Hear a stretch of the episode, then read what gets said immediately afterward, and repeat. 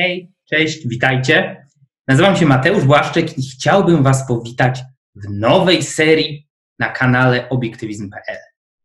Nowa seria będzie nazywać się Weekend Atlas.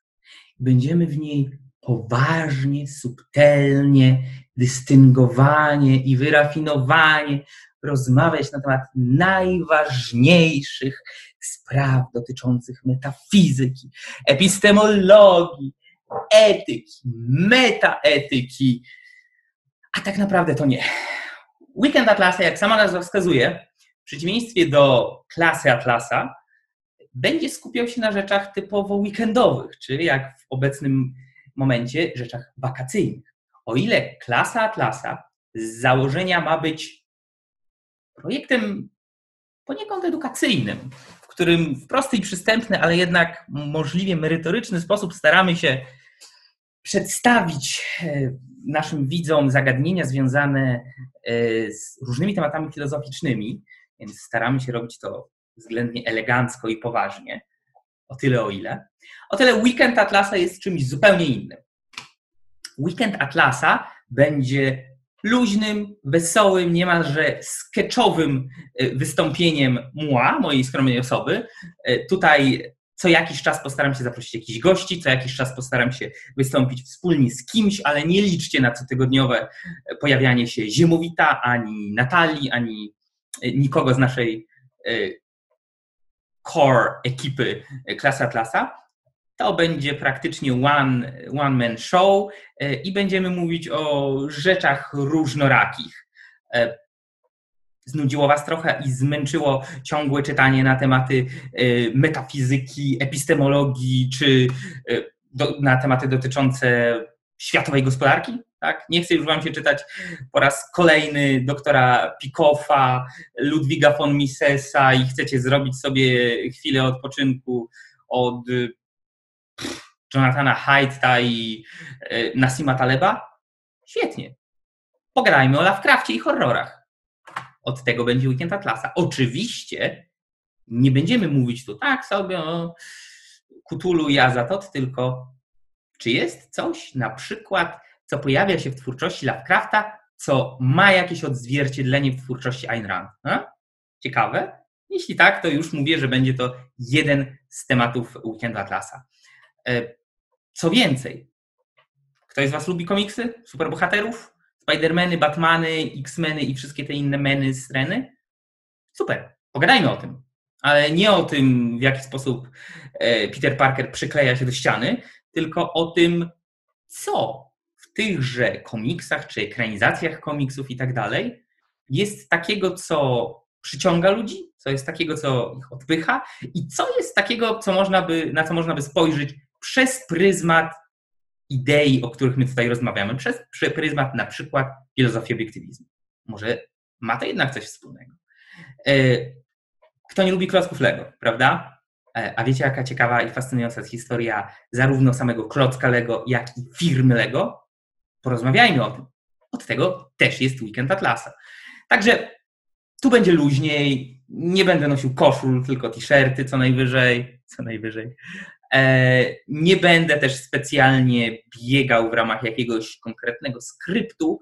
E, bardzo zachęcam do podawania mi nowych tematów, do podpowiadania mi tego, o czym chcielibyście usłyszeć, w jakiej konwencji, e, autorzy, filmy, książki, gry, podróże, cokolwiek, co Was interesuje, o czym z jakiegoś powodu stwierdzicie, że chcielibyście usłyszeć ode mnie. E, na niektórych rzeczach się znam, na innych nie, więc jeśli padną tematy z tej drugiej działki, no to przypuszczam, że grzecznie podziękuję za sugestie i odmówię. Ewentualnie postaram się dokształcić. Tak czy siak, będzie to coś na pewno luźniejszego niż e, klasa Atlasa. Proszę, dajcie znać, czy spodoba Wam się ten format e, po pierwszym odcinku. E, ja tutaj piję w tej chwili w pięknym kubku z, ze znakiem starszych bogów, a propos Lovecrafta. Lovecraft nie będzie w dzisiejszym odcinku, co prawda, ale mam nadzieję, że względnie niedługo. Gdyby ktoś był zainteresowany, to e, kawa, którą piję, to, to jest product placement, ale nikt mi za niego nie płaci. E, to lawacca. E, nie wiem, ilu z Was lubi pić kawę, czy jest jakimiś kawoszami i tak dalej, ale jeśli chodzi o kawę normalnego sklepu, nie super specjalistycznego, gdzie są e, super, hiper, ekstra, ekstrawaganckie i wymagające w produkcji kawy, tylko idziecie do sklepu i kupujecie, to przy, przyznam, że Lawatca wydaje mi się z takich spółki tych tak zwanych normalnych kaw, na które raczej każdego będzie stać, wydaje mi się najlepsza. Bardzo dobra włoska kawa, dużo lepsza niż jakieś tam Maxwell House czy mm, co tam jeszcze jest? E, Jakobsy i tak dalej, i tak dalej. Polecam, kawa Lawatca, bardzo dobra. E, no, więc powiem, ujmę to w ten sposób. Jeśli ktoś zna chociaż trochę e, Janka Kochanowskiego, wiecie, tego ziomka z Czarnolasu, to on pisał rzeczy bardzo poważne, jak treny, rzeczy dość poważne, jak pieśni, tak? Pieśni pierwsze, pieśni wtóre, ale pisał też fraszki. To tak jak klasa Atlasa to pieśni Kochanowskiego, to weekend Atlasa to zdecydowanie bardziej fraszki. Także nie dbają moje papiery o przeważne bohatery, nic u nich Mars, chociaż rogi, nie Achilles prędko nogi. Ale śmiechy, ale żarty zwykłe zbierać moje YouTube'owe nagrania. E, więc Mam nadzieję, że Wam się spodoba. Do usłyszenia. Hej!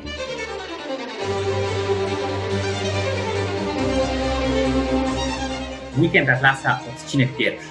Dobra, bez zbędnych wstępów, zaczynajmy. O czym dzisiaj? Moja propozycja filmy. Pogadajmy o filmach. I nie, nie mam zamiaru tutaj w tym momencie robić listy najbardziej obiektywistyczne filmy w historii ani listy, ekranizacje powieści Ayn Rand od najlepszej do najgorszej. Zresztą nie byłoby tu aż tak dużego wyboru, żeby ta lista była specjalnie długa. Nie. Pogadajmy o filmach, które ja osobiście, indywidualnie, zgodnie z moją własną oceną, z moim własnym wyczuciem, e, wedle mojego własnego, mniej lub bardziej wyrobionego albo niewyrobionego smaku, uważam za filmy na tyle dobre i na tyle warte uwagi, że chciałbym Was zachęcić do zapoznania się z nimi. Z jednej strony, z drugiej strony, za filmy, które w jakiś sposób mniej lub bardziej wprost, mniej lub bardziej subtelnie odwołują się do idei, zasad, cnót czy wartości, które mam nadzieję, że są nam, mnie i Wam jako widzom bliskie e, do idei, zasad, cnót, wartości, o których mówimy dosyć często, między innymi w klasie Atlasa. E, oczywiście nie dlatego, że twórcy tych filmów oczywiście się zainspirowali tutaj twórczością, czy to Ayn Rand, czy innych bliskich nam filozofów, tylko dlatego, że pewne idee krążą w świecie kultury i czasami nawet ten dość bezpłciowy pod względem idei i wartości świat y, popkultury czy kultury ciut wyższej y, przysiąka także takimi właśnie trochę ambitniejszymi, trochę lepszymi ideami, zasadami, cnotami czy wartościami. Więc nie będzie to ani lista najbardziej obiektywistycznych filmów, nie będzie to lista, już na pewno nie w kolejności, najlepszych filmów w historii i tak dalej. Nie, będzie to lista filmów, które moim zdaniem są warte uwagi, godne polecenia, warto je obejrzeć yy, i które mają jednak coś wspólnego z szeroko rozumianymi ideami i filozofią, o których rozmawiamy w klasie Atlasa i z którymi macie okazję się zapoznać, mam nadzieję, na naszym kanale na YouTube obiektywizm.pl. Yy, ok, no to zaczynajmy. Jakie to są filmy? Zastanawiałem się, w jaki sposób przejść przez te filmy, jakie kryteria tutaj wziąć, czy od najlepszego, do, ale to w ogóle byłoby bez sensu. Pójdziemy trochę chronologicznie. E, filmów będzie e, dziewięć, ponieważ dziewięć to magiczna liczba, jak było u Szekspira, trzykroć taki, trzykroć wspak, trzykroć jeszcze do dziewięciu, pst, i już jest po zakręciu bodajże. Chyba tak mówiły wiedźmy w Macbecie, jeśli się nie mylę. Poprawcie mnie w komentarzach, jeśli się mylę. E, tak czy jak, 9 filmów. 7, jak w siódmym niebie, wiadomo, święta liczba. E, 7 filmów tak zwanych poważnych. E, dwa filmy z trochę innej kategorii, ale myślę, że na tyle dobre, że mogą się tu znaleźć i nie obrazicie się ani nie uznacie, że tutaj staram się was y, upupić i traktuję was bardzo jak dzieci. Ale nie, nie o to chodzi naprawdę. Dobra, no to zaczynajmy. Pierwszy film e, jest filmem z roku 1957. E, jest to film z bardzo ważnego roku, swoją drogą. 1957 e, rok to jest oczywiście rok wydania opus magnum Ayn Rand, czyli rok pierwszego wydania Atlasa Zbuntowanego, Atlas Shrugged. Ale jest to też film bogaty, w, obfity w całkiem niezłe filmy, i niezłe premiery filmowe. Film, o którym chciałbym tutaj wspomnieć, to western. Western wyprodukowany w Stanach Zjednoczonych. Ktoś może powiedzieć, e, western, western, to takie historyjki o, o kowbojach i przestępcach i Indianach. Nic wielkiego, nic wybitnego, nic, nic specjalnie ambitnego. Tak i nie. Westerny mają swoje różne odsłony E, i czasami nawet te najprostsze potrafią zaskoczyć pewnymi dość subtelnymi, e, zniuansowanymi kwestiami, które, których ze świecą by szukać w wielu dzisiejszych produkcjach tak zwanych kultury popularnej. Tak. Więc western, o którym chciałem powiedzieć, to jest The Thin Star, czyli Gwiazda Szeryfa. Kraj, rok produkcji Stany Zjednoczone 1957 rok w reżyserii Antoniego Mena. E, I w rolach głównych e, no, gwiazdorska obsada Henry Fonda i Antony Perkins. Tak, jeszcze nie miałam okazji powiedzieć, czy to będzie omówienie filmów ze spoilerami. Tak i nie. Postaram się możliwie dalece unikać spoilerów dla osób, które nie widziały tych filmów, żeby nie zepsuć im zabawy. Ja wiem, że spoilery potrafią zepsuć e, zabawy, zwłaszcza w tych filmach, gdzie pewna puenta albo zaskakujący zwrot akcji jest kluczowa dla mm, czerpania przyjemności z oglądania danego filmu, ale trochę takich lekkich, bardzo delikatnych spoilerów może się pojawić. Postaram się nie zepsuć niczego za bardzo, ale żeby móc w ogóle mówić o jakimś filmie, owszem, troszeczkę spoilerowo musi być. Akurat chyba nie w tym wypadku.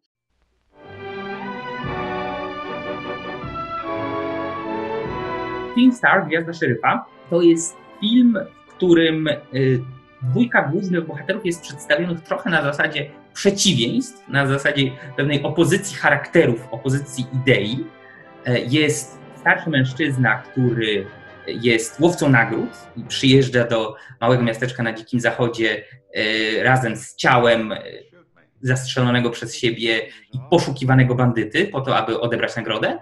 I jest młody, młodziutki, naprawdę świeżo upieczony szeryf tego miasteczka, który jest zaręczony, ma narzeczoną, która bardzo się niego niepokoi, że on będzie tutaj e, tym szeryfem i jest takim wrodzonym idealistą, który uważa, że wszystko da się rozwiązać ograniczonym użyciem przemocy, bez trupów, i że wszystko będzie dobrze i cacy, i że generalnie należy być dobrym, takim spokojnym e, i nie należy właśnie odwoływać się do przemocy, jeśli nie trzeba, najlepiej w ogóle i tak dalej. Więc jest pewien clash między dwójką głównych bohaterów, ale przede wszystkim, dlaczego polecam ten film? E, bo jest to film, w którym bardzo mocno jest e, wyeksponowana potrzeba pewnej cnoty, którą każdy człowiek powinien praktykować, niezależnie czy będzie bardziej zbliżony do tego łowcy nagród, czy do tego młodziutkiego szeryfa, a mianowicie o potrzebie prawości, o potrzebie integralności charakteru, o potrzebie tego, o czym mówiliśmy w klasie Atlasa, kiedy mówiliśmy o e, cnocie integralności, o integrity, tak? o tym, o niezłomności ducha, o przeciwstawianiu się złu i, i o tym, że jest to kluczowe, kiedy stajemy w opozycji do, no, nazwijmy to sobie westernowo, do tych złych, do bad guys, tak? Y, ten film w naprawdę ciekawy sposób pokazuje, że wiele osób, które no, ewidentnie są złymi osobami, tak?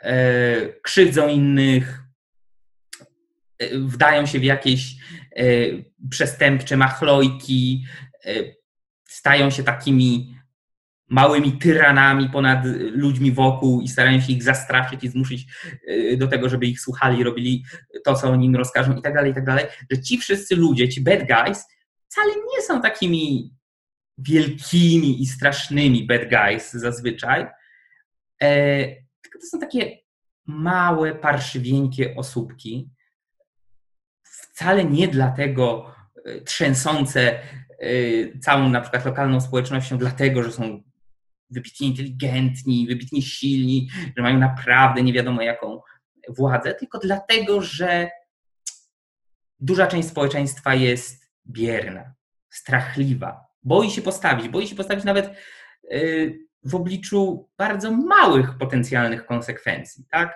Boi się powiedzieć nie.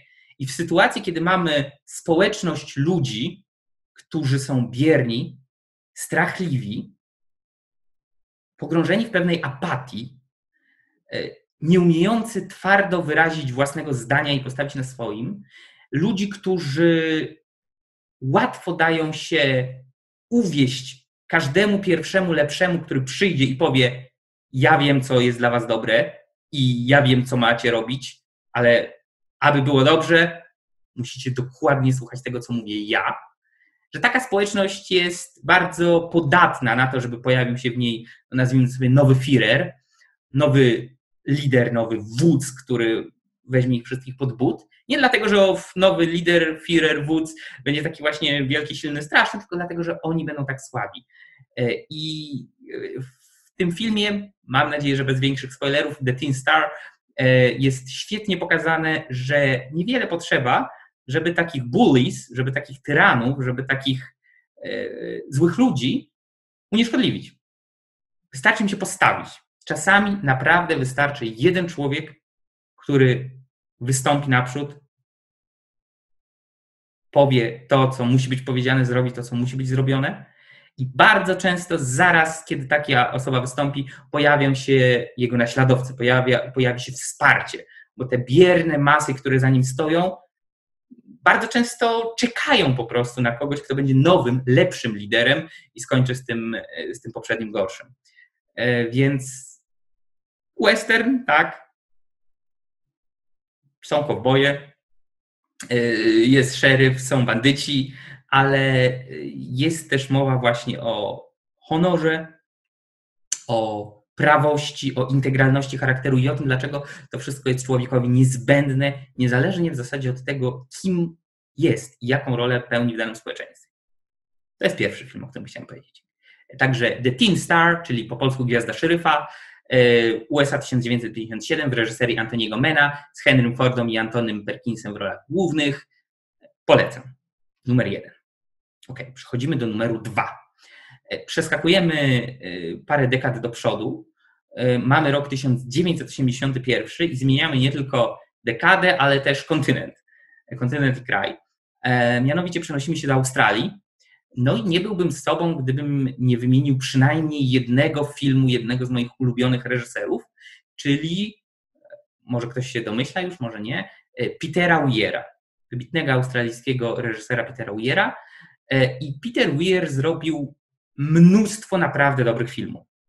Wybrzeże Moskitów, Rok Niebezpiecznego Życia, Truman Show, Truman Show, który na spokojnie mógłby się pojawić na każdej dobrej, dobrej liście filmów z wolnościowym przesłaniem. E, oczywiście Piknik pod wiszącą skałą. I tak dalej, i tak dalej, i tak dalej. E, więc miałem trudny wybór, który z tych filmów chciałbym e, przedstawić, ale w końcu mój wybór padł na Gallipoli, na Gallipoli, australijski film z 1981 roku, właśnie w reżyserii Petera Weiera, w rolach głównych Mark Lee i oczywiście e, Mel Gibson, wówczas jeszcze młodziutki aktor, no, względnie młodziutki. E, I Gallipoli, jak sam tytuł wskazuje, e, mówi o żołnierzach australijskich uczestniczących w jednej z większych bitew I wojny światowej, czyli właśnie bitwie pod Gallipoli. Mark Lee i Mel Gibson grają dwóch młodych Australijczyków, którzy e, w 1915 roku zaciągają się do wojska i e, wyruszają, aby wziąć udział w działaniach wojennych I wojny światowej na terenie Europy. nie będę spoilerował. Znowu, nie, nie o to chodzi. Ja daję pewną zajawkę. Mam nadzieję, że udaje mi się też troszeczkę zachęcić. Nie chcę powiedzieć, że jest to film pacyfistyczny, natomiast z całą pewnością jest to film antywojenny, tym tego słowa znaczeniu, że pokazuje, dlaczego nie należy idealizować i romantyzować wojny jako takiej. Dlaczego działania wojenne, dlaczego to się dzieje w czasie wojny, strzelające, świsające kule koło uszu, strzelające armaty, umierający żołnierze, ludzie bez rąk i nóg, tak, tak zwane e, ludzkie kadłubki, które, których było wielu, wielu osób, dotknął ten los po I wojnie światowej. To nie jest nic chwalebnego, to nie jest nic e, godnego jakiegoś poklasku, to jest to coś strasznego. Wojna, nawet jeśli jest konieczna, jest czymś strasznym. Czymś, co jeśli już musi do niej dojść, na przykład dlatego, że totalitarny reżim nam zagraża i nie ma wyjścia, trzeba stawić mu koła, e, to wojny trzeba kończyć szybko, brutalnie, decydująco, a nie wykrwawiać się w nich przez lata, tak jak to było w I wojnie światowej. E, I moim zdaniem, jeśli ktoś szuka dobrego filmu, który pokazywałby właśnie okropieństwo wojny, to Gallipoli jest zdecydowanie lepszym wyborem niż na przykład E, Pluton Olivera Stone'a, czy Czas Apokalipsy Coppoli, czy generalnie w ogóle cała ta seria, mnóstwo filmów związanych z wojną e, w Wietnamie, które, które nie wiedzieć czemu do końca stała się takim jakby synonimem mm, zła wojny. Pierwsza wojna światowa była e, wojną przerażającą, zwłaszcza na froncie zachodnim.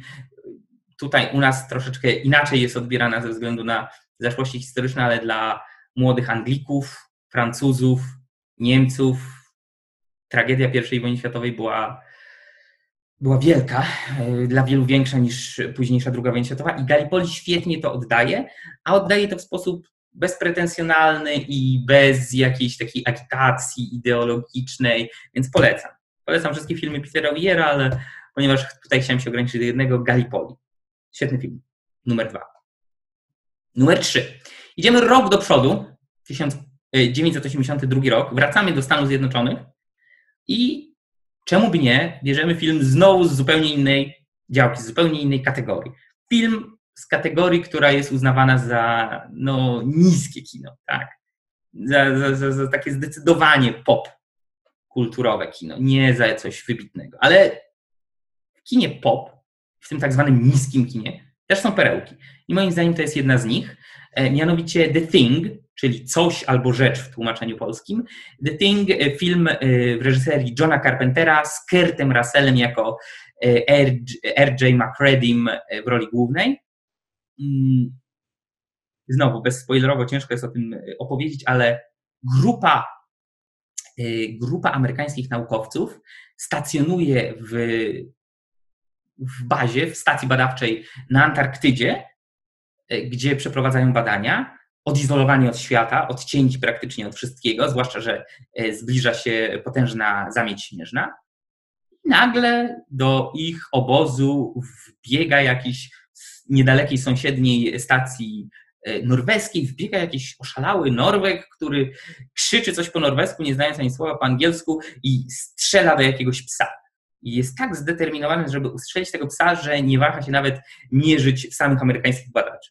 Ów norweski badacz dość szybko pada na ziemię e, z kulką w odpowiednich miejscach, które, e, które to e, dziury w odpowiednich miejscach skutecznie uniemożliwiają mu dalsze perpetuowanie czynności życiowych, a na stacji badawczej wśród Amerykanów zostaje ów pies, którego ten Norweg ścigał i oni biorą go ze sobą. Reszta jest już historią, nie chcę za bardzo tutaj spoilerować, natomiast dlaczego mówię w ogóle o jakimś horrorze i to takim horrorze z całkiem sporą ilością scen typu gore, zwłaszcza jak na lata 80. całkiem sporą, to było taki trochę szok nawet dla widzów. I coś, jeden z czynników, który sprawił, że The Thing nie, nie poradził sobie tak dobrze um, ze swoim debiutem kinowym, jak reżyser zakładał, że mógłby, bo film był mocno nowatorski jak na tamte czasy, ale w tym samym roku wyszedł też E.T., który pokazywał dużo przyjemniejszą wersję spotkania, o, lekki spoiler, e, z tym, z czym też spotkali się ludzie e, w The Thing, czyli z obcą cywilizacją, mówiąc krótko z kosmitami. Ale The Thing był filmem, jest nadal bardzo ciekawym pod tym względem, że już wtedy część mówiła, no to jest trochę taka analogia do nastrojów zimnowojennych. Nie wiesz, kto jest twoim sojusznikiem, a kto jest wrogiem. Nie za bardzo możesz komukolwiek ufać. Zwłaszcza jeśli sam znajdujesz się w jednym z krajów za żelazną kurtyną, w kraju bloku wschodniego, w Związku Sowieckim albo którymś z państw satelickich, takich jak PRL, nie wiesz, czy tak naprawdę twój rzekomy przyjaciel nie jest tak naprawdę kapusiem i donosicielem. Nie wiesz, czy tak naprawdę yy, nie jesteś pyjasem, a ten twój kolega nie jest yy, maleszką. Ale więcej, yy, nawet jeśli żyjesz w tym na wpół wolnym świecie zachodu, nie wiesz tak naprawdę, kto z kim jak do końca sympatyzuje, co powoduje pewną atmosferę paranoi. Y, problem jest w tym, że ta paranoja nie jest, paranoja zawsze jest zła, ale nie jest całkowicie bezpodstawna, nie jest całkowicie nieuzasadniona. O nie, ona ma pewne uzasadnienie i miała przez cały okres zimnej wojny. I jest to The Thing, jeśli zinterpretujemy go pod tym kątem, nie jako horror, ale jako pewną analogię, jest filmem o tej dusznej atmosferze, kiedy zaczynasz się zastanawiać, kto spośród bliskich tobie osób, kto spośród tych, z którymi na co dzień masz do czynienia, może tak naprawdę być twoim wrogiem, być może śmiertelnym. E, oczywiście, jeśli idzie o faktyczne wydarzenia zimnej wojny, mamy do czynienia z wrogiem ideowym, wrogiem politycznym, wrogiem być może militarnym, przede wszystkim na poziomie idei, na poziomie starcia różnych wizji świata, które to starcie mogło przybrać przybierało e, postać starć e, militarnych. No a w filmie The Thing no, na poziomie starcia ludzi e, z zupełnie obcymi stworzeniami, o kompletnie innej anatomii, fizjologii i tak dalej. E, I to też jest o tyle ciekawa analogia, jeśli ktoś chciałby to odczytać w ten sposób, że faktycznie warto patrzeć na e, pewne idee, zwłaszcza idee takie jak komunizm, jako na pewną aberrację, jako na coś, co nie ma miejsca w naturalnym porządku życia i świata, jako coś, co jest w tym sensie nieludzkie, że chociaż stworzone i wynalezione przez człowieka, to nie przystaje do ludzkiej natury i do wymogów życia człowieka na tej planecie w ogóle. Tak samo jak y, i niemożliwa jest wobec tego koegzystencja y, idei takiej jak komunizm wdrażanej na masową skalę w społeczeństwie i ludzi jako rozumnych, wolnych, niezależnych, prosperujących istot. Tak samo jak niemożliwa jest koegzystencja y, tytułowego The Thing, tytułowego Cosia, E, i ludzi ze stacji badawczej na Antarktydzie. Także The Thing jest po prostu dobrym filmem, a jeśli spojrzy się na niego z tej perspektywy, co już wtedy w latach 80. sugerowali niektórzy e, komentatorzy, można wyciągnąć z niego coś więcej. Także trzeci film. Dalej, czwarty. Idziemy do przodu i to mocno, bo zasiedzieliśmy się tam w latach jeszcze sprzed mojego urodzenia, więc weźmy już coś, co sam miałem okazję widzieć, kiedy była tego premiera. E, There Will Be Blood, e, czyli w polskim tłumaczeniu Aż poleje się krew. Film amerykański produkcji USA z 2007 roku w reżyserii e, Paula Thomasa Andersona i w rolach głównych Daniel Day-Lewis. Ladies and gentlemen, I've traveled over half our state to be here tonight. I couldn't get away. Film to poradził sobie nieźle, przeciwieństwie do The Thing, w momencie swojego debiutu. E, zyskał 8 nominacji do Oscarów i wygrał dwa Oscary. Także naprawdę, naprawdę nieźle i moim zdaniem zasłużenie. O tym jest ten film, There Will Be Blood. O tyle możemy porównać go do The Teen Star, że e, zaczyna się faktycznie na Dzikim Zachodzie, w drugiej połowie XIX wieku na pustych E, obszarach e, zachodnich terytoriów dzisiejszych Stanów Zjednoczonych. Jest to historia o nafciarzu. Daniel Day-Lewis, który gra Daniela Plainview, gra człowieka, który odkrył złoża ropy i dorobił się na nich. Jest to bardzo luźna taka adaptacja filmowa e, powieści Oil, Olej e, z 1927 roku autorstwa Uptona Sinclaira. I co ciekawe, e, Upton Sinclair, amerykański pisarz, był zdeklarowanym socjalistą. I najpierw należał do, należał do Socialist Party of America, a później do Partii Demokratycznej, do Democratic Party. Całe życie wierzył w taką czy inną wersję idei socjalistycznych. Na początku tak był powiedzmy bardziej hardkorowym komunistą w stylu sowieckim, później, jak wielu socjalistów, rozczarowany tym komunizmem w wydaniu e, ZSRR, e, stał się takim demokratą, demokratycznym socjalistą, ale socjalistą nadal.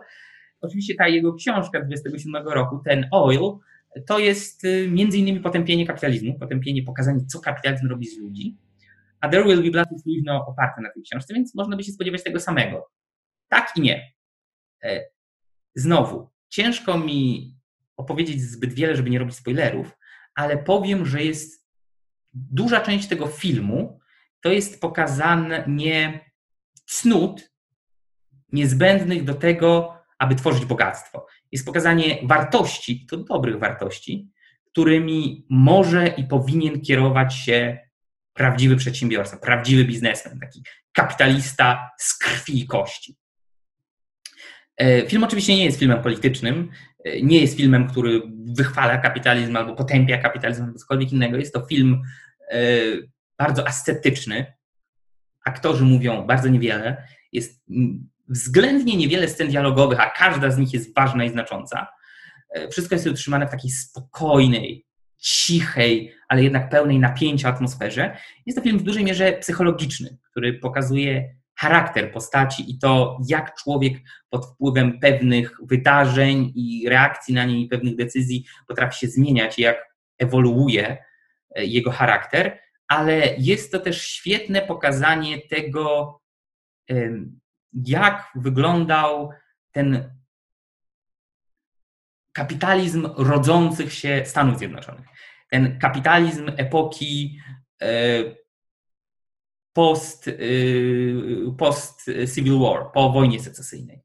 E, I wbrew pozorom ja wcale nie uważam, że ten film jest jakimś tutaj druzgocącym e, obaleniem tego naiwnego ideału dobrego kapitalizmu. Nie, jest y, druzgocącym obaleniem pewnych e, zachowań i cech charakteru, które mogą być autodestrukcyjne.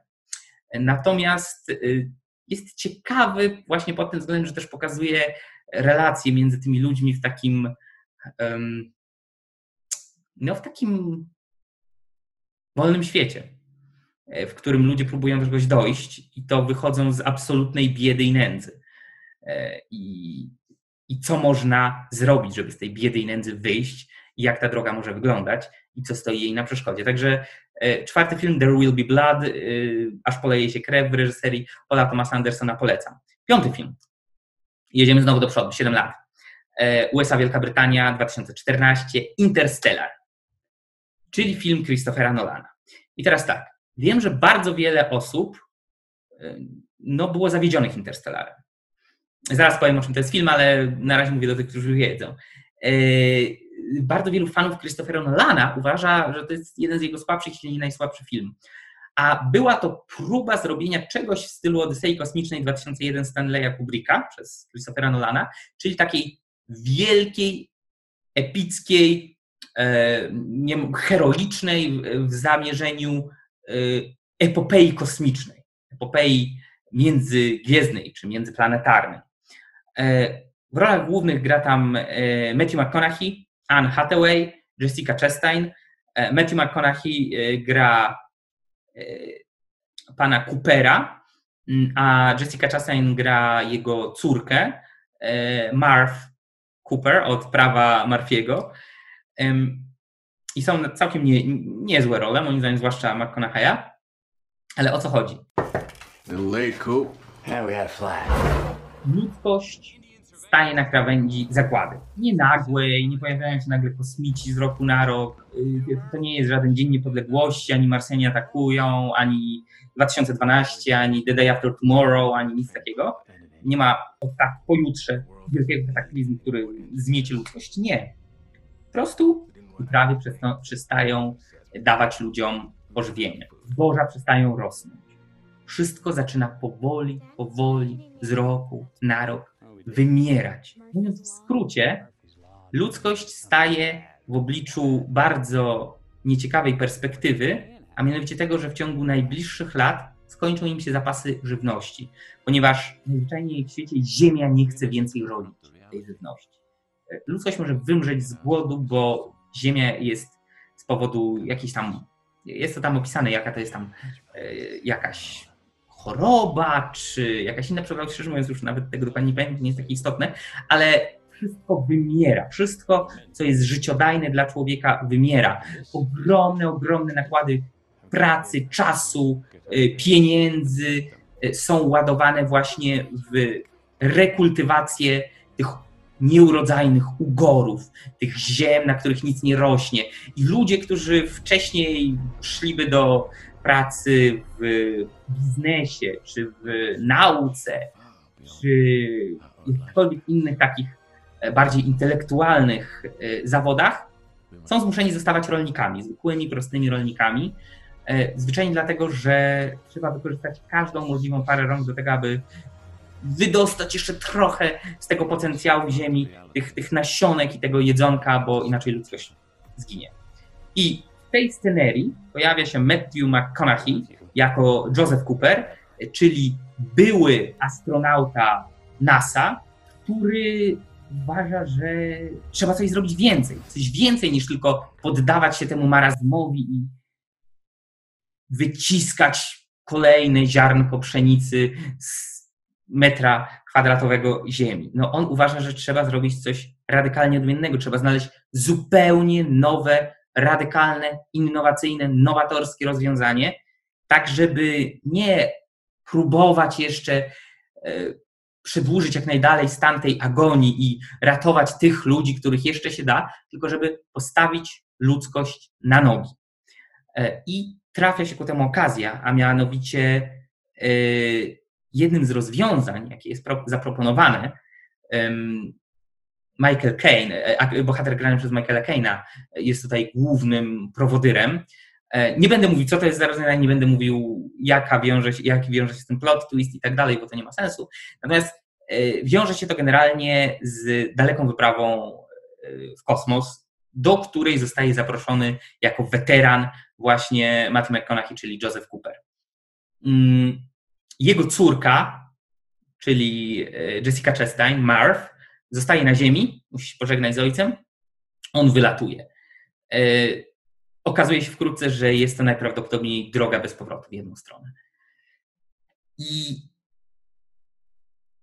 to tyle, jeśli chodzi o fabułę. Więcej mówienie to byłoby naprawdę już robienie dużych spoilerów, ale film jest pod tym względem bardzo fajny i nie zgadzam się tutaj z krytykami, że to jest takie, że tam za dużo tej miłości, że przerost formy nad treścią. Nie. Film jest fajny, bo pokazuje ducha pionierów pokazuje ducha ludzi, którzy nie dają się ściągnąć w dół obecnej sytuacji, nie dają się przygnieść temu, że tak, jest źle, dzieje się coś naprawdę niedobrego i ludzie naprawdę stoją w obliczu realnego zagrożenia.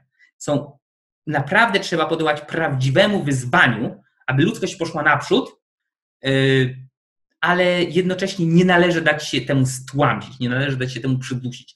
Nie należy po prostu myśleć e, w perspektywie kolejnego dnia czy tygodnia i tego, jak przeżyć od pierwszego do pierwszego czy z roku na rok, bo musi być coś dalej. Musi być, bo ludzie nie mogą się tak łatwo poddać. I tutaj postać grana przed Matthew McConaughey uosabia właśnie tego ducha pioniera, który jest gotów ruszyć w nieznane. Nie wie, czy mu się powiedzie, ale jest uzbrojony w swój rozum, swoją y, wolną wolę, swoje cnoty, w racjonalność, niezależność, y, dumę z tego, co jest w stanie osiągnąć jest gotów wyruszać w zupełnie nieznane, e, tak jak kiedyś robili to pionierzy, którzy przekraczali oceany albo zasiedlali niezbadane tereny e, północnej Ameryki. Jest gotów to zrobić po to, aby znaleźć nowy sposób rozwiązania, wydawałoby się, nierozwiązywalnego problemu. W tym momencie takiego gardłowego problemu, jak generalnie wymarcie całej ludzkości. Więc Interstellar, piąty z filmów, polecam. Naprawdę, dajcie mu szansę, niezależnie od tego, co mówiliby krytycy. Spójrzcie na niego świeżym okiem jako pewną nową Odyseję. Y, nie tylko Odyseję kosmiczną, ale też nową Odyseję homerową, y, opowieść o pionierach, opowieść o odkrywcach, opowieść o innowatorach, opowieść o twórcach nowych rozwiązań. A propos twórców nowych rozwiązań, innowatorów i tak dalej, to mamy szósty film, e, The Founder. Po polsku zupełnie inny tytuł, ale zrozumiałe dlaczego. Mac Imperium.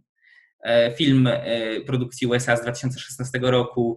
John Lee Hancock jest reżyserem. W roli głównej wystąpił Michael Keaton. I know what you're thinking.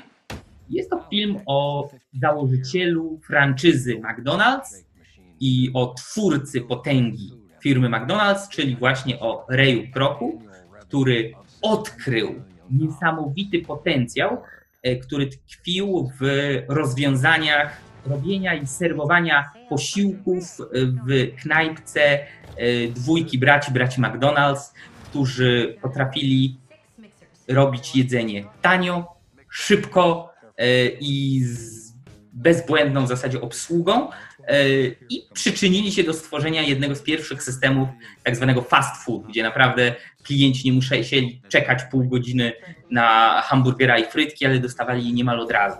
Ray Kroc, grany tutaj przez Michaela Keatona, jak już wspomniałem, był tym, który odkrył ich i potrafił przekuć to w franczyzę, a później no, w międzynarodowe imperium.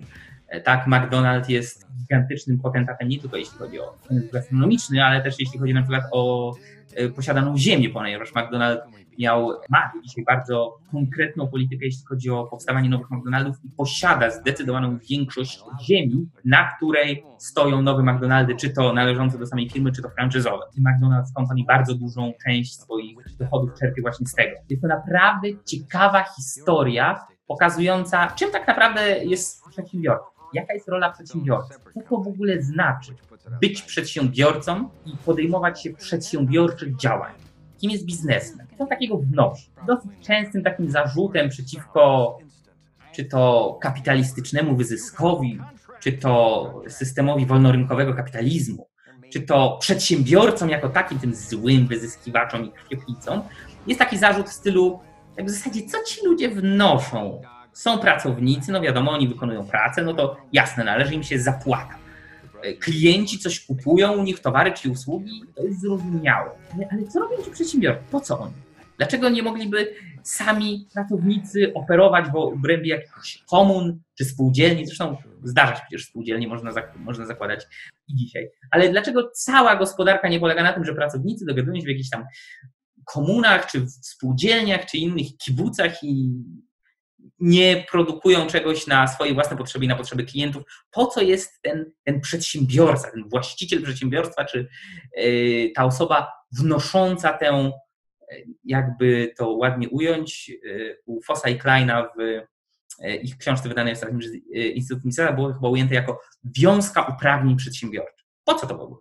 Oczywiście film nie jest filmem poświęconym ekonomii, tylko jest filmem poświęconym biografii Reja Kroka, w bardzo specyficzny sposób ujętej, ale tak czy jak biografii Raya Kroka, ale jest to tam świetnie pokazane, naprawdę polecam niektóre sceny, to po prostu można by zobrazować y, komuś, kto pierwszy raz słyszy w ogóle termin przedsiębiorca czy przedsiębiorczość, to jest to, czym zajmują się przedsiębiorcy. To jest to, dlaczego są tak ważni.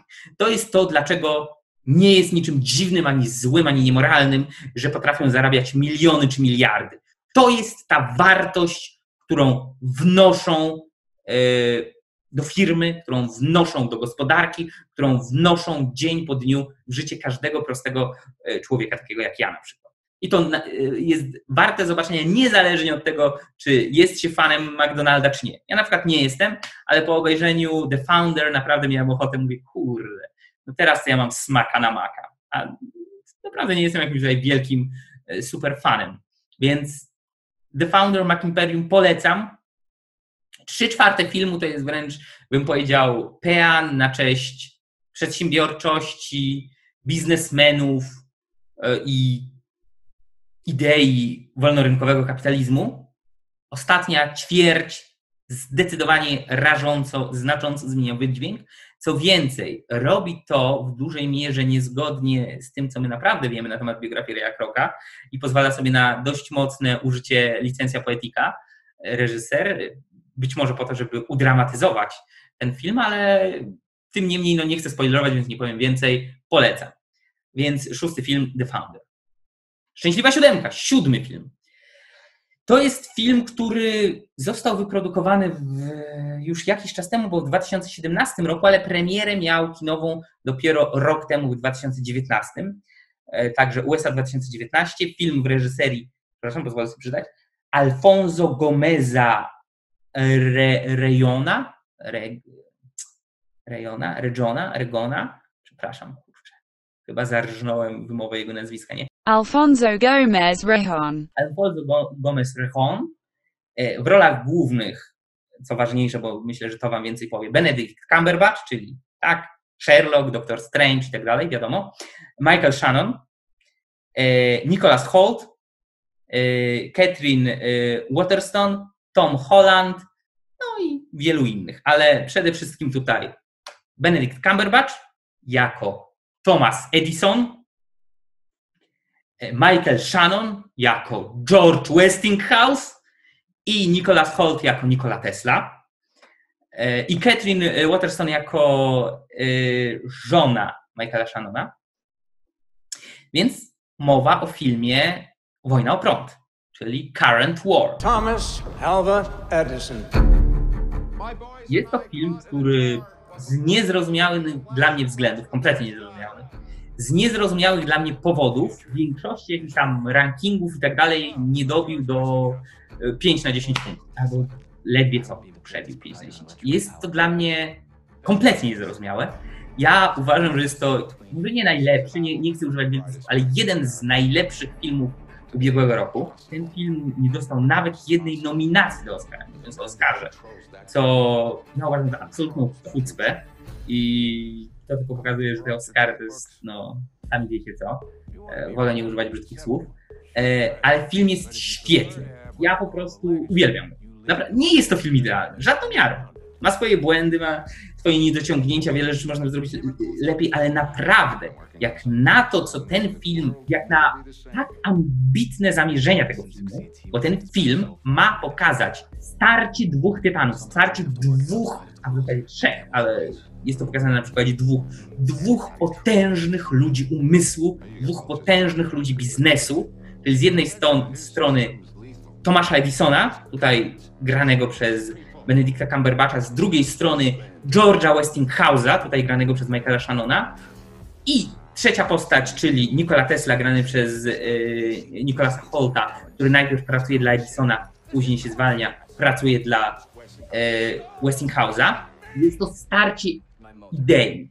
Jest to starcie pomysłów, jest to starcie twórczych osiągnięć ludzkiego umysłu, takiej swojej najczystszej, najbardziej jaskrawej postaci. Ja bym zasugerował, w tym filmie nie ma dobrych i złych, w tym sensie, że nie ma protagonistów i antagonistów, nie ma dobrego i e, białego i czarnego charakteru, ale to nie jest film, tak jak bardzo często w przypadku właśnie filmów, gdzie nie ma dobrych i złych, gdzie ścierają się dwa jakieś brudne gangi, albo antybohater kontra drugi antybohater, gdzie oboje, obaj są na tak samo niskim moralnie poziomie, to jest po prostu starcie jednego brudu z drugim brudem i kto wygra, większe zło czy mniejsze zło. Nie, tu jest starcie dwóch wizji. Autorstwa dwóch wielkich ludzi, którym naprawdę o coś chodzi. Którzy naprawdę chcą coś osiągnąć i którzy naprawdę wierzą w to, co robią.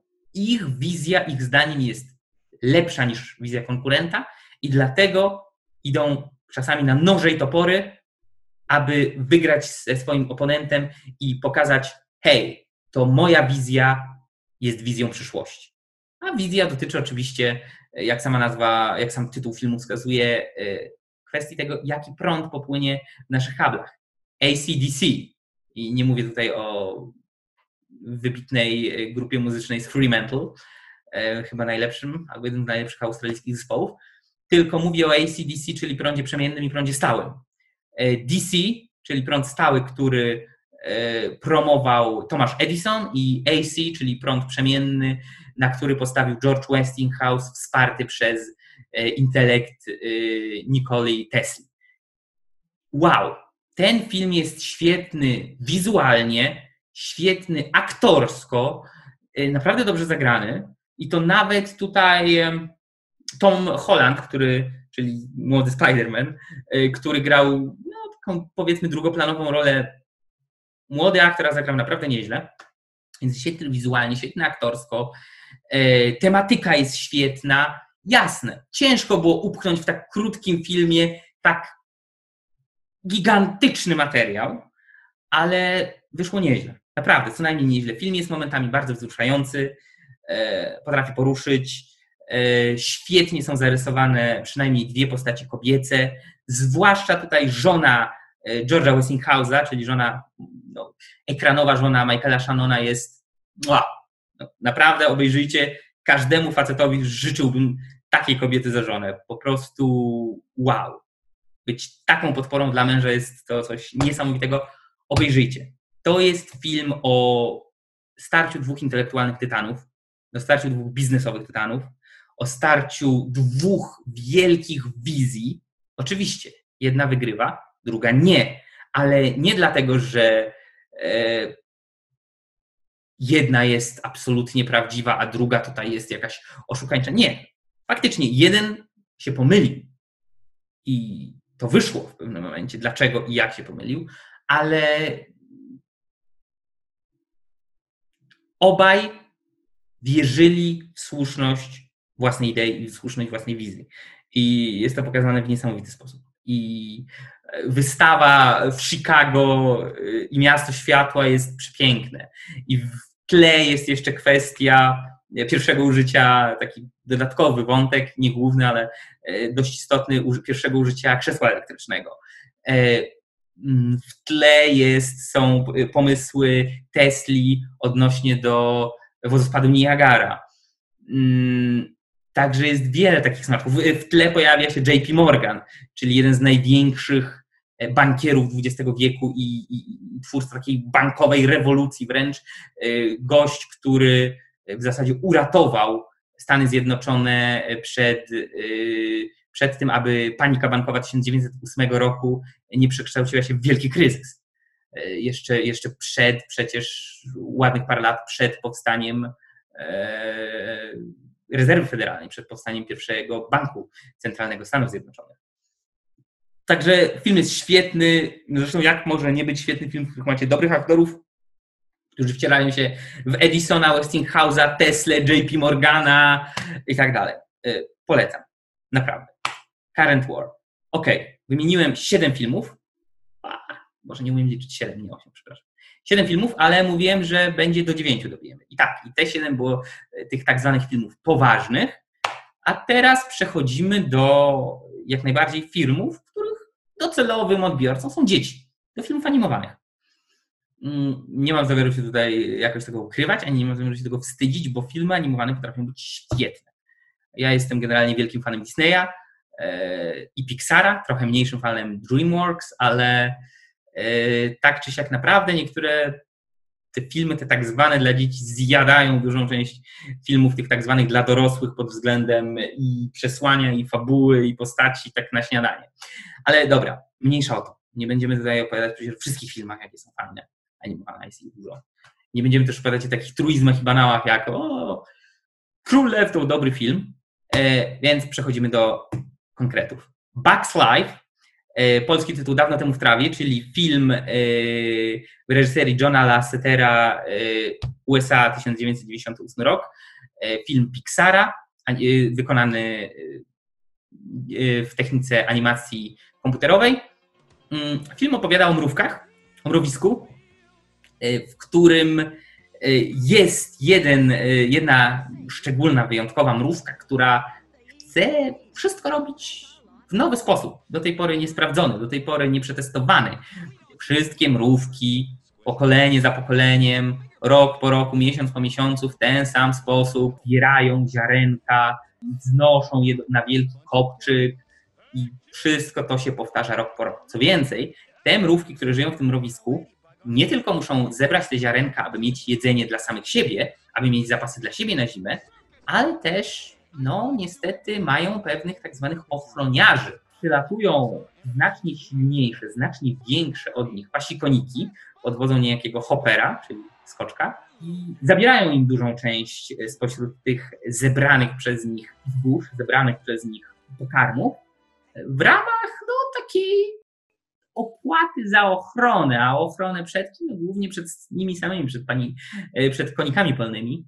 E, więc mówiąc krótko, najzwyczajniej w świecie pasikoniki wymuszają haracz na mrówkach żyjących w tym mrowisku, całkiem spory haracz.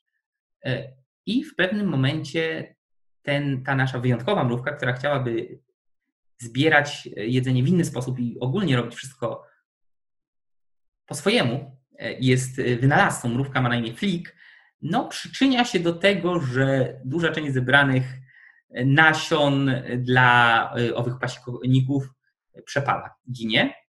No jest problem, bo jak to zebrać teraz w bardzo krótkim czasie e, przed zbliżającą się zimą odpowiednią ilość nasion zarówno dla mrowiska, aby mrówki nie pomierały z głodu przez zimę, jak i dla tych wymuszających haracz pasikoników.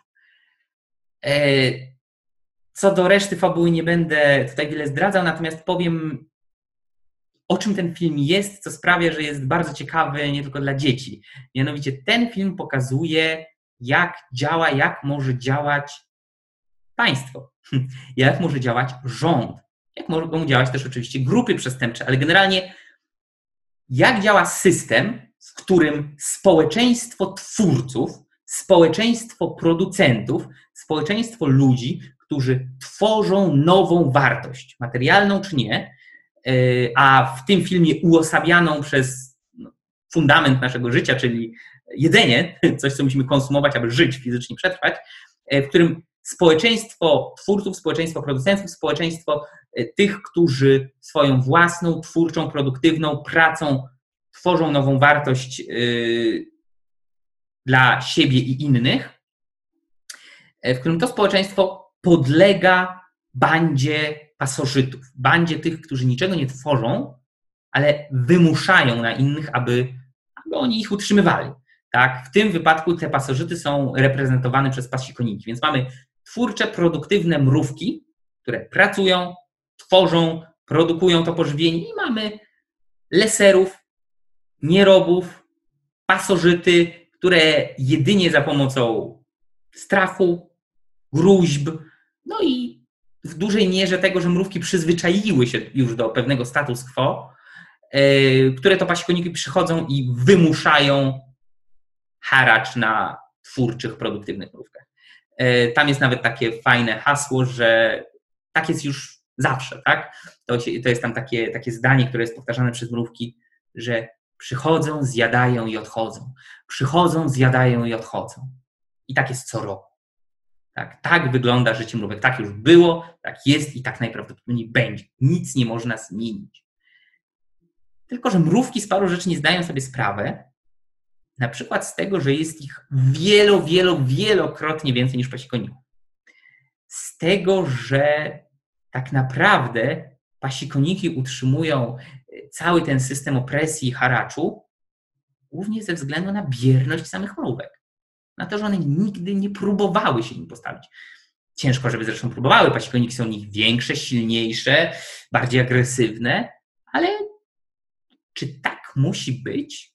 Czy społeczeństwo produktywnych, twórczych jednostek zawsze musi ulegać e, mniejszej grupie silniejszych, agresywniejszych, bardziej bezczelnych e, agresorów i pasożytów?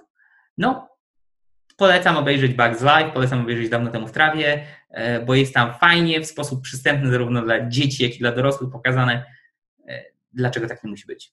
No i ostatni film, również animowany, a przynajmniej w połowie animowany. Najnowszy film e, z 2014 roku, produkcja USA Dania. Dlaczego Dania, to się zaraz przekonacie. reżyseria Phil Lord, Christopher Miller, a w rolach głównych, a raczej podkładają głosy, ponieważ to jest film animowany, takie postacie jak Chris Pratt, Will Ferrell, Ferrell Elizabeth Banks, Will Arnett, Liam Neeson, Morgan Freeman, także można powiedzieć, że dubbingowo-gwiazdorska obsada, a mianowicie Lego The Movie, po polsku wydane jako Lego Przygoda, stąd ta Dania, tak, no bo Lego z siedzibą w Billund, to ciężko, żeby Dania nie miała tutaj swojego udziału w produkcji. Okay, and we're rolling and action. Just go ahead when you're ready. Sorry, I wasn't listening. I've just been batmailing on my bad phone. Yeah, can you just Jest to film wesoły, radosny, dziecinny, dla dzieci i tak dalej, ale dlaczego pojawił się na mojej liście? Dlatego, że jest to film, który w świetny sposób pokazuje opozycję pomiędzy innowatorstwem, twórczością, kreatywnością, a stagnacją, biernością, apatią, śmiercią. Ruch to życie, bez ruch to śmierć. Tu jest to pokazane w sposób e, idealny. Nie wiem, czy wiecie, ale jednym z naczelnych haseł, takich wewnętrznych sloganów firmy Lego e, jest takie hasło twórczość można wpisać w pewne ramy, ale mimo tych ram ona nadal pozostaje twórczością, nadal pozostaje e, kreatywna, nadal pozostaje e, pewnym buzującym wulkanem e, pomysłów i energii. I tutaj głównymi bohaterami w Lego The Movie są właśnie wielcy budowniczy, którzy za pomocą konkretnych elementów istniejących w rzeczywistości, czyli klocków Lego, są w stanie tworzyć nowe rozwiązania, zupełnie nieoczekiwane, zupełnie nowych problemów, które pojawiają się na ich e, drodze i są w stanie stawiać czoła nowym wyzwaniom, mimo że klocek Lego nadal pozostaje klockiem Lego, nadal pozostaje tym samym, ale ich konfiguracje pozwalają na niemalże nieograniczoną kreatywność, niemalże nieograniczoną twórczość i produktywność. A główny zły tego filmu jest właśnie tym, który chciałby to zatrzymać. Chciałby, aby klocki Lego stanęły w jednym miejscu raz na zawsze, tak jak Boża przekazała, tak jak jest w instrukcji, i aby nic nowego nigdy z nich nie powstawało. Bardzo fajna analogia y, pokazująca przepaść pomiędzy myśleniem przedsiębiorcy, myśleniem biznesmena, myśleniem wszelkiego rodzaju twórcy, bo czy to będzie y, twórca w nauce, czy to będzie twórca w biznesie, czy to będzie jakikolwiek inny twórca w sztuce, to taki twórca, taki twórczy, kreatywny umysł zawsze stoi w opozycji do tych, którzy chcieliby, aby świat pozostał na zawsze takim, jakim jest, żeby pozostał w stagnacji.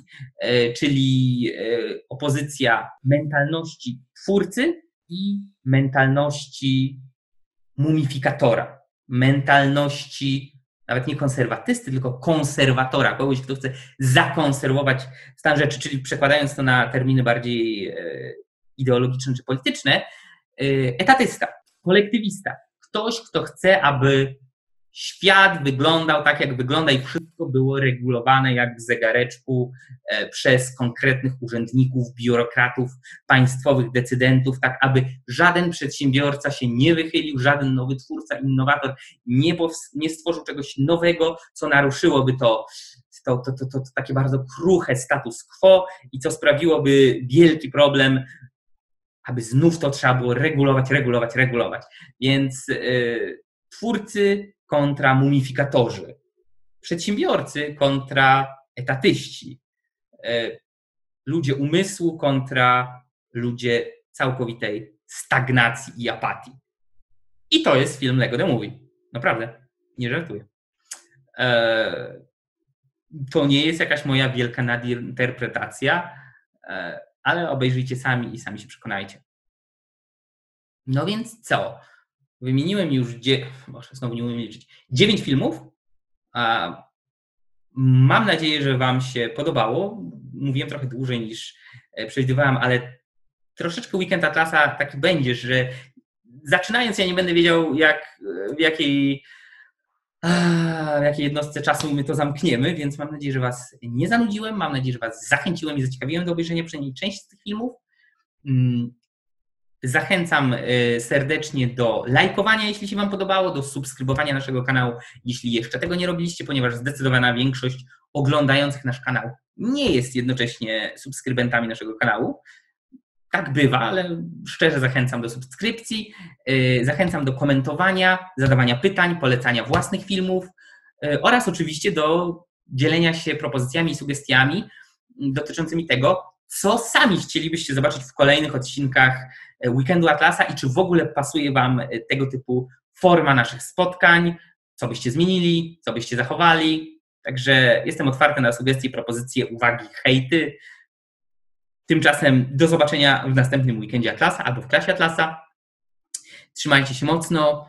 Yy, Obejrzaj, obejrzyjcie koniecznie yy, Wojno Prąd, obejrzyjcie koniecznie Lego The Movie i najlepiej wszystkie filmy, które poleciłem, bo są naprawdę niezłe. To jest moja opinia, ale, ale jak wiecie, jest to opinia obiektywisty, więc obiektywysta się nie myli, no nie? To był żart? Może? Nie wiem. Ale przekonajcie się sami. Na razie, do zobaczenia, trzymajcie się, hej!